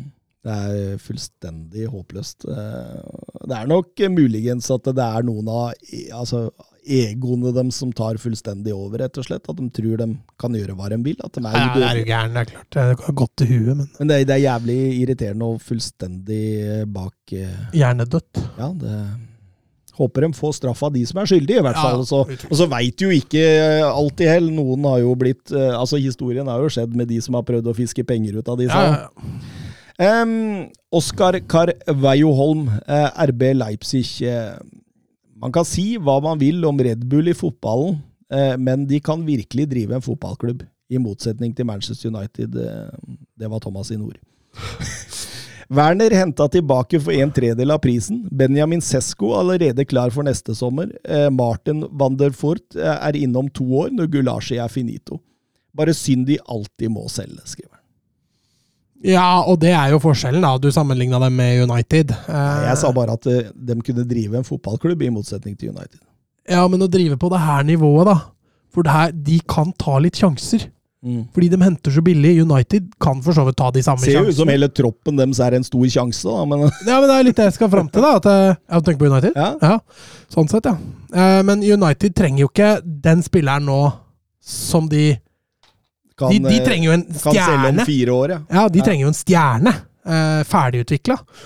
Mens Leipzig henter jo spillere for å utvikle dem til stjerner. Og så lenge Leipzig da ikke begynner å vinne Bundesliga, hevde seg i toppen i Champions League, så må de jo selge. Det gjelder jo Ja. alle klubbene det som er under de, neste, eller under de største. Så lenge Bayern München er så overlegne som de er. Jeg tror kanskje, som du, du er litt inne på her, at eh, et par-tre seriegull, så tror jeg kanskje også selve eh, Ja, men Det er ikke sikkert ja. det er nok heller, for du så Dortmund. Det var par-tre seriegull. det. Fortsatt mister de jo Lewandowski og Guts, og alle gikk jo til Bayern. Men de prøver, Dortmund i hvert fall. Altså, Le- Dortmund er jo litt sånn vi prøver å holde tritt, Mm. mens Leipzig er litt mer sånn vi kjenner vår plass i hierarkiet. Jo, men de selger jo dyrt. Ja da. Så ja, det er jo ikke sånn at det er ikke bare å hente spillere ut av Leipzig, sånn som noen andre klubber eh, kaster dem etter andre klubber igjen. Så Og det er jo klart også, nå har de gjort det mye klart solgte de Nabi Keita for? Det var også en heftig sum. Ja, det var rundt eh, eh, 60. Rundt 60, ja. Så, så de selger jo dyrt, altså. Mm. Eh, Så jeg, jeg synes, det- altså. Det drives jo fantastisk. Så er det hvorvidt dette er bra, da, eh, når de har en farmeklubb i Østerrike eh, og i USA. Ja, ikke sant? For, for, for Benjamin Sesko Ja. var jo ønska av mange. Ja, Saboslai. Du Ja, har jo flere Og, og, og, og går til RB Leipzig for var det 25 millioner euro? Det, det, det, og, og hvis lag som Manchester United virkelig var ute etter den Det, lukter litt, litt Red Bullsk her. Ja, gjør det. Det gjør det.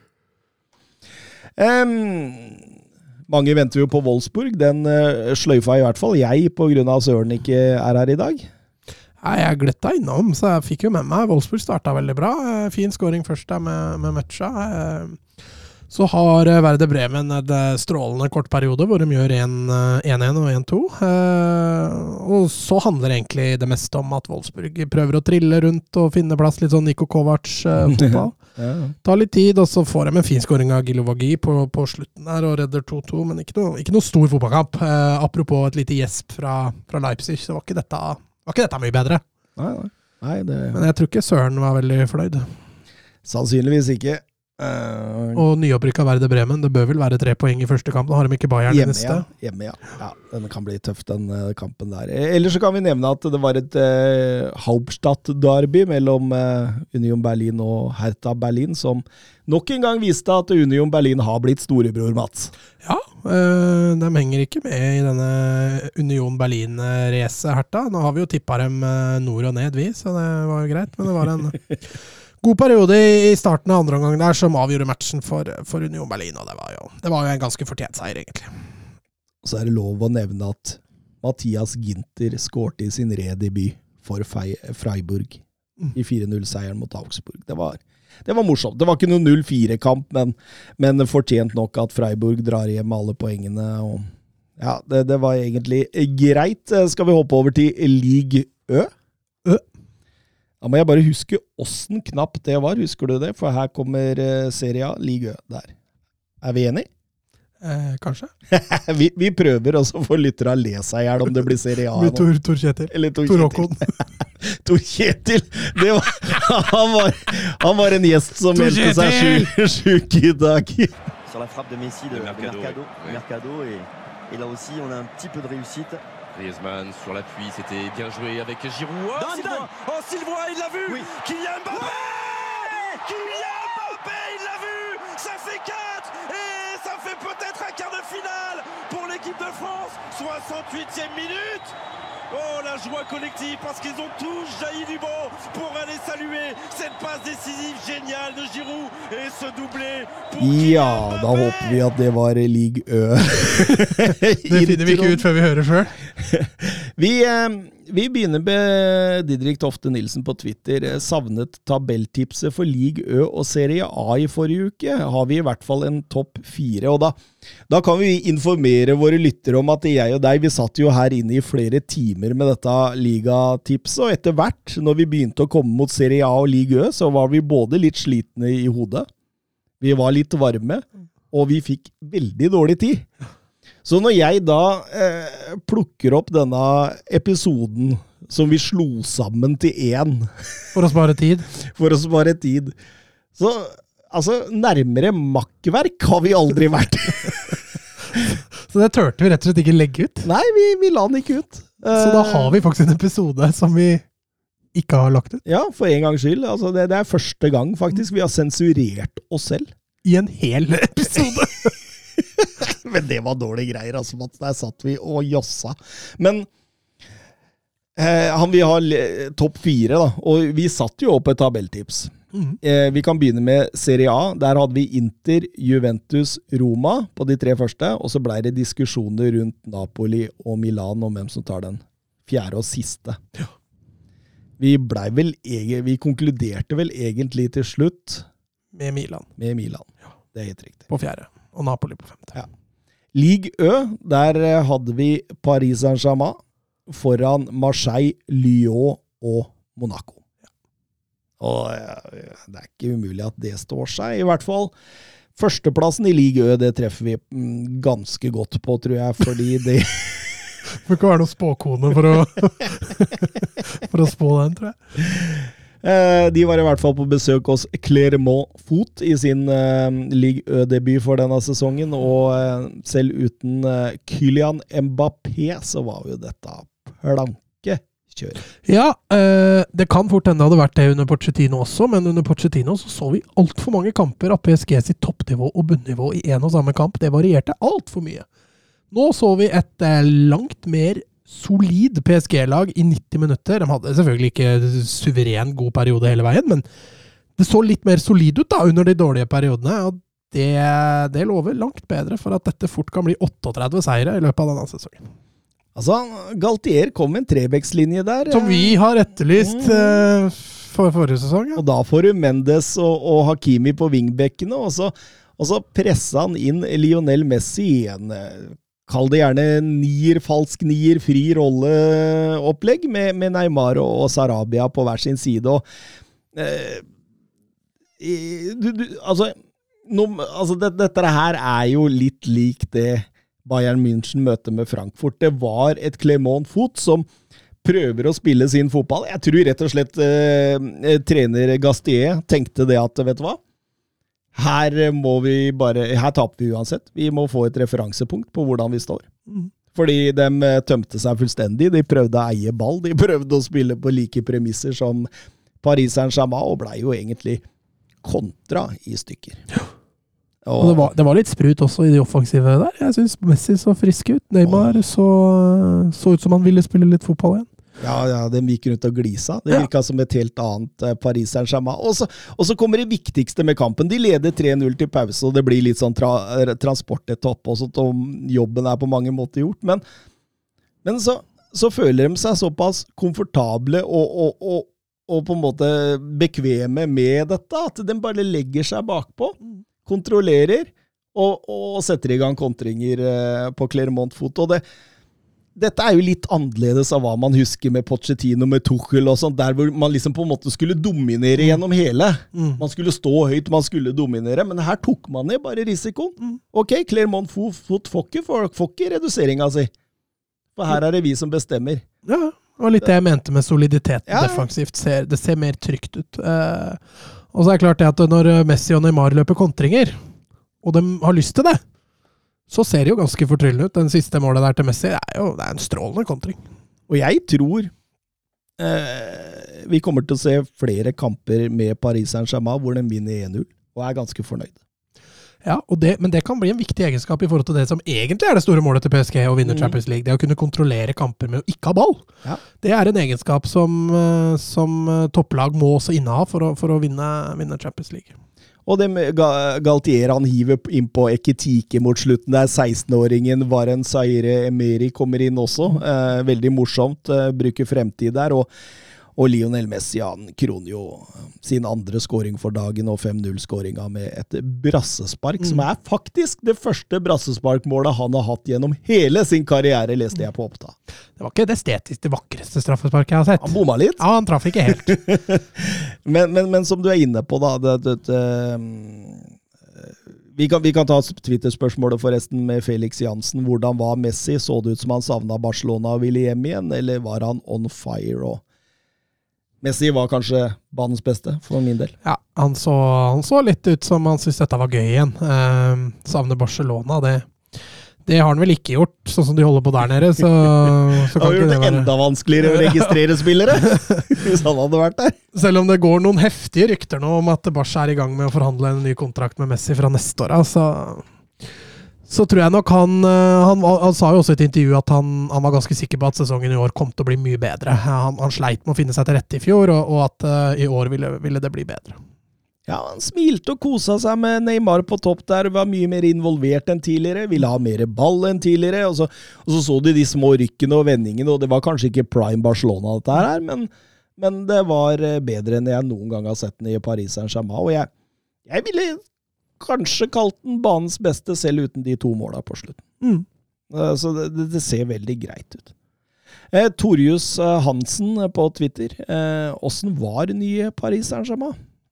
Nei, det var vi jo litt inne på. Eh, Det ser mye mer solid ut. Det sprudler litt mer av dem. Eh, Tar dem et steg nå i forhold til det å kunne kontrollere kamper uten ball, som jeg var innpå, så, så er det mye nærmere å, å konkurrere om, eh, om Champions League-plassen. Og så er det offensivt. Bak Mbappé, Messi og Neymar så er det jo litt tynt. Så de, de er litt avhengig av at ikke disse blir skada over lengre perioder. Gjør de ikke det? Altså, det er jo som jeg sa, altså PSG kan faktisk vinne 38 kamper, hvis de velger å spille sånn som dette hele sesongen. Jeg, Jeg tror ikke de gjør det, altså, men, men de kan ja, gjøre det. ja, for all del. For all del. Jeg benka meg også ned for å se Strasbourg mot uh, Monaco. Jeg tenkte at uh, at dette er eh, litt eh, morsomt med to taktisk skolerte trenere som Julian Steffa mot Clemi, Philip Clemet. Og, og eh, veldig morsomt å se hvordan, hvor taktisk den kampen egentlig blei. Eh, det er derfor jeg vil snakke litt om den, fordi eh, uten at jeg veit ikke Så du den, eller? Mm, bare highlights. Ja. ja fordi det er jo to lag som varierer presshøyden sin noe enormt. Som gjør at man liksom har forskjellige perioder i kampen gjennom hele Og, og, og det kom altså trekk på mottrekk hele veien der. Det, det, var ekstremt morsomt å se på hvordan de, de rett og slett spilte sjakk ute på fotballbanen der, disse to trenere. og det skal jo sies at eh, Monaco vant til slutt. eh, Ganske fortjent, selv om Strasbourg hadde en vanvittig eh, En vanvittig go inn mot slutten der, og Alexander Nybel hadde noen vanvittige redninger. Men, eh, men verdt å se for de som er interessert i det taktiske, da. Eh, Denne kampen er eh, veldig morsomt eh, å se også om Monaco kommer seg til Champions League. De spiller jo returkampen mot eh, PSV i kveld. Åssen gikk første? 1-1. Har de hjemme, da? PSV PSV hjemme i dag. PSV ser veldig bra Ja, ut er under det. Ruud van Nistelrooy. Altså det, så det, det, det, kan nok bli en tøff eh, nøtt, dette. Men at uh, Philip Clemet er en trener som kan gå derfra med 0-1-seier nå, det, det, det kan skje. Han er eh, såpass uh, taktisk oppegående og in game manager. Så. Har ikke den matchen begynt, da? Skal du se den? Eh, jeg tror ikke jeg rekker å få sett den, for jeg må pakke til Sandar Cup i morgen. Ja, du drar dit. Jeg drar dit med laget mitt. Ja. Skal du vite resultatet? Ja. Eh, Monaco vinner i hvert fall ikke 1-0. Nei. Uh, For PSV leder nemlig 1-0. Ja. Og da har jeg spilt eh, 38. Hvem skårte for PC? Fjermann. Ja. Eh, men så ser jeg Bodø-Glimt tar 1-1, så de, eh, de er vel greit også. De, de slacker seg videre. Ja, den kampen er faktisk ferdig, så det ble 1-1. Ja. Men Midtjylland ryker for Benfica, i hvert fall. Det, det var vel forventa. Det vil jeg påstå, ja. Um, Marseille mot Rem, ta litt grann om den også. En god hjemmedebut av Igor Tudor der. Alt går egentlig på, på, på planker. Altså På skinner, hva? ja, Gå på plank. Gå på planker. Altså, og, og nysigneringene Tavares, eh, Suárez eh, leverer jo begge to, og det, det, det ser veldig, veldig bra ut, altså. Eh, ekstremt morsomt med atmosfæren på, på Ja, den har alltid vært bra der, da. Er altså, de supporterne til Marseille er, er ikke forbilder på alt, men, eh, og, Brenner ned treningsanlegg og sånn. men, eh, men tribune og kultur og, og lage stemning, det kan de. Mm, absolutt. Tavares var forresten den første forsvareren som skårer mål i sin Ligue Ø-debut for Lyon siden Laurent Blad gjorde det mot Le Havre i 1997. Det er noen år siden. Det er noen år siden. Og så skal de være på, nære på å signere Alexis Sanchez nå, så da kan vi få Suárez og Sanchez på topp, eh, Mats. Mangler bare Messi eller Griezmann ut på andre sida. da. Jeg kan til slutt ta med at eh, Lyon eh, vant sin kamp. Eh, Lacassette skårte sitt hundrende Ligue Ø-mål eh, på et straffespark. Eh, Og eh, at Lill vaska gulvet med nyopprykka Auxerre. Pluss at Renn, veldig skuffende, tapte 0-1 mot Lorea etter selvmålet av TAT. Den nye belgiske stopperen der som har gått inn og laga det nye duoen sammen med Yo Rodon. Yo? Joe? Yo, Yo. yo, Yo, yo, Rodon. Men jeg må si jeg er litt skuffa over rennet her. Det er klart uhell skjer, men, men renn under Genesio, um, den trioen på topp der, en Lovro Maier bak, Theater og Roden på stoppeplass, eh, du har Sulemana, du har uh, Doku i bakhånd. Det bør være et lag som ligger og presser uh, i den gruppa bak PSG, da. Mm. Og, og da tape 1-0 mot Loria hjemme i debuten. Den. Det er blow. Det er en skikkelig, skikkelig blow, det var det. Um, nå er det Tor Håkon. Kjør. Bra jobba, gutta! Bra ball! Nei! Ah, grei offside. Tor Håkon, den er grei. Tor Håkon! Nei, Tor Håkon, det var din egen skyld. Ikke bli sint for det, i hvert fall. da. Tor Håkon, ikke kjeft på dommeren, og ikke kjeft på dommeren. Tor Håkon, nå hører du på dommeren. Det er hver gang, altså. Hver gang. Har du eh, et ønske om å begynne, eller skal jeg Nei da, jeg kan eh, kjøre på. Ja. Anderlecht møtte Seraing, nyopprykka lag eh, til dyst. Anderlecht som har fått en, eh, fått en veldig god start på, på årets sesong. Eh, Kjemper helt i toppen der. eh, Hadde én ja, så god sesong er kanskje å ta i, men én seier og ett tap pluss videre i, i, i cupen eh, og eh, Europa. Så, så de har hatt en OK start. Eh, møtte et l- nyopprykka lag og, og var egentlig Altså, det var ikke noe tvil. Altså, det var Anderlecht fra ende til ande i den matchen her, og, og de avgjør egentlig matchen i løpet av første halvtimen. Eh, Fabio Silva, som nå er innleid fra fra Wolves har fått en strålende start. To det ene et fantastisk mål eh, i, i den matchen her. Espacito, Esposito har ennå til gode å overbevise, men han, men han får litt sjanser. Amusu, eh, denne venstre wingbacken, eh, eh, hadde en strålende match. Krona med fint mål. Marco Cana, veldig gøy å få se han, for han er en spiller jeg egentlig har savna litt og sett litt på. Han har vi på veggen. Jeg veit det. så det var gøy å se en midtbane med han og Versaren. Der er det mye talent, altså. Og, og Seraing fikk Står bra til hverandre, Ja, de de to gutta. Ja. Versaren er litt mer offensiv kreativ. Kana er litt mer balanserende, hardtarbeidende Mm. type. Så, så det er en fin altså Hvis de greier å beholde det, tror jeg ikke de gjør, men hvis de er der om tre-fire år, da, så tror jeg nok det er Det, det kommer til å være to klassespillere i den ligaen her.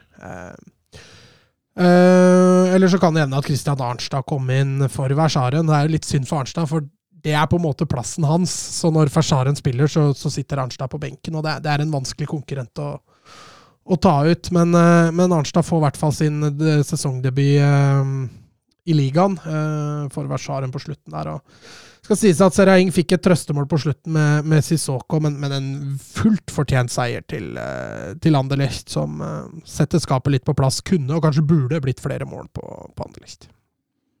Ja, men så artig det var. Det er, det er- moro Det er jo litt moro å høre på hva som skjer i de, de andre ligaene enn de vi følger òg. Ja da, absolutt. Eh, og, og um, det som er litt synd med Anderlecht, er jo det at de, de er en stor klubb i Belgia. Men det har blitt mye lånespillere, for de har ikke råd til å hente kvalitet for å opprettholde.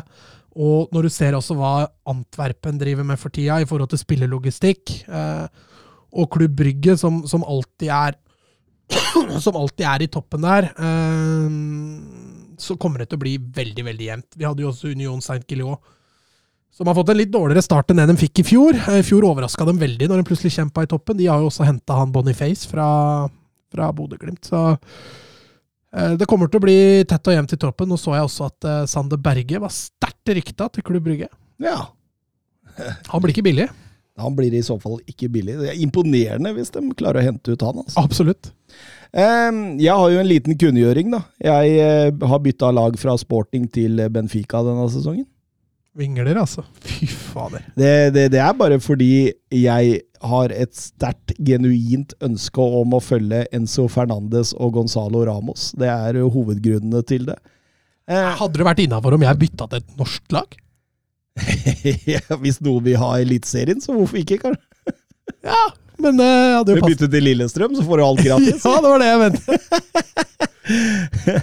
ja, altså hvorfor ikke, egentlig? Men eh, det fins jo andre podcaster som eh, tar de, da. Hvem er det? Nei, jeg veit ikke. Jeg, jeg veit forresten at uh, Mottaket Media de eh, leiter etter folk som kan ta en eliteseriepod. Oi. Ja. Så Skal vi der- foreslå han tyskeren, eller? ja, han, han kunne tatt både eliteserie og bredde, tror jeg.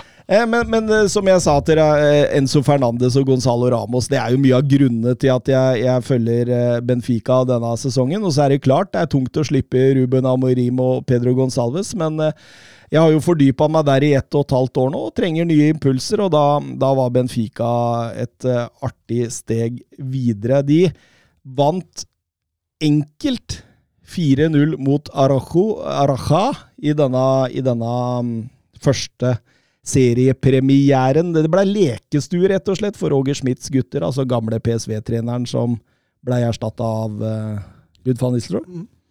Eh, anført av en glimrende Rafa Silva ble det til slutt eh, hele 4-1, og det kunne vært mange, mange mange flere, faktisk. De går til pause med tre mann, nei, med tre mann. Går til pause med tre mann. Blir litt forstyrra av telefonen her, skjønner du. Ah, hele, hele åtte mann utvist! er enorm aktivitet på, på telefonen min. Så jeg skjønner ikke hva som skjer her. Men de går til pause med eh, 3-0 med én mann mer etter at eh, Arojas brasilianske back Curesma får et noe strengt rødt kort før pause. Eh, dessuten var det også deilig å se Enzo Fernandes med 3-0-skåringen på volley der. Han har jo åpna strålende i sin Benfica-karriere, bl.a. mål mot eh, Midtjylland også i eh, CL-kvaliken.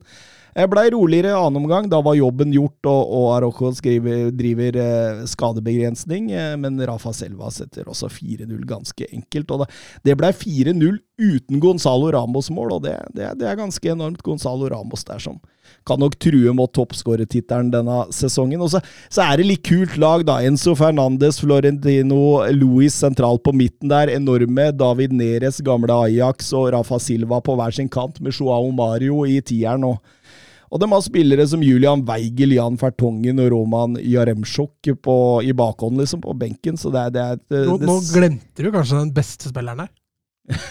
Enzo Fernandes. Han, Alex Grimaldo. Selvfølgelig skal du ha med venstrebekken din.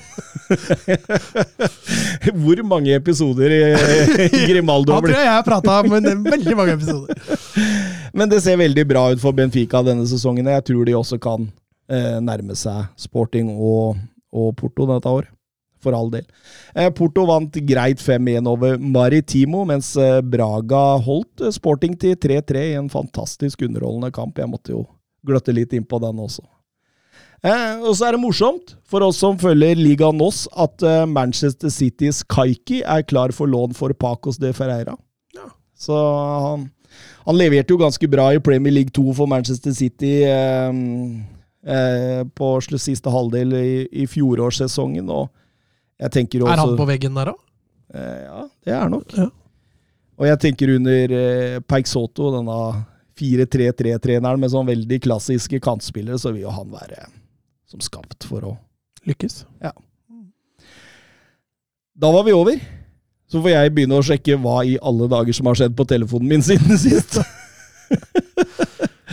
eh, kanskje vi håper at Søren er med neste gang. Eh, krysser fingra. Yes. Adjø. Adjø. Messi. Surging forward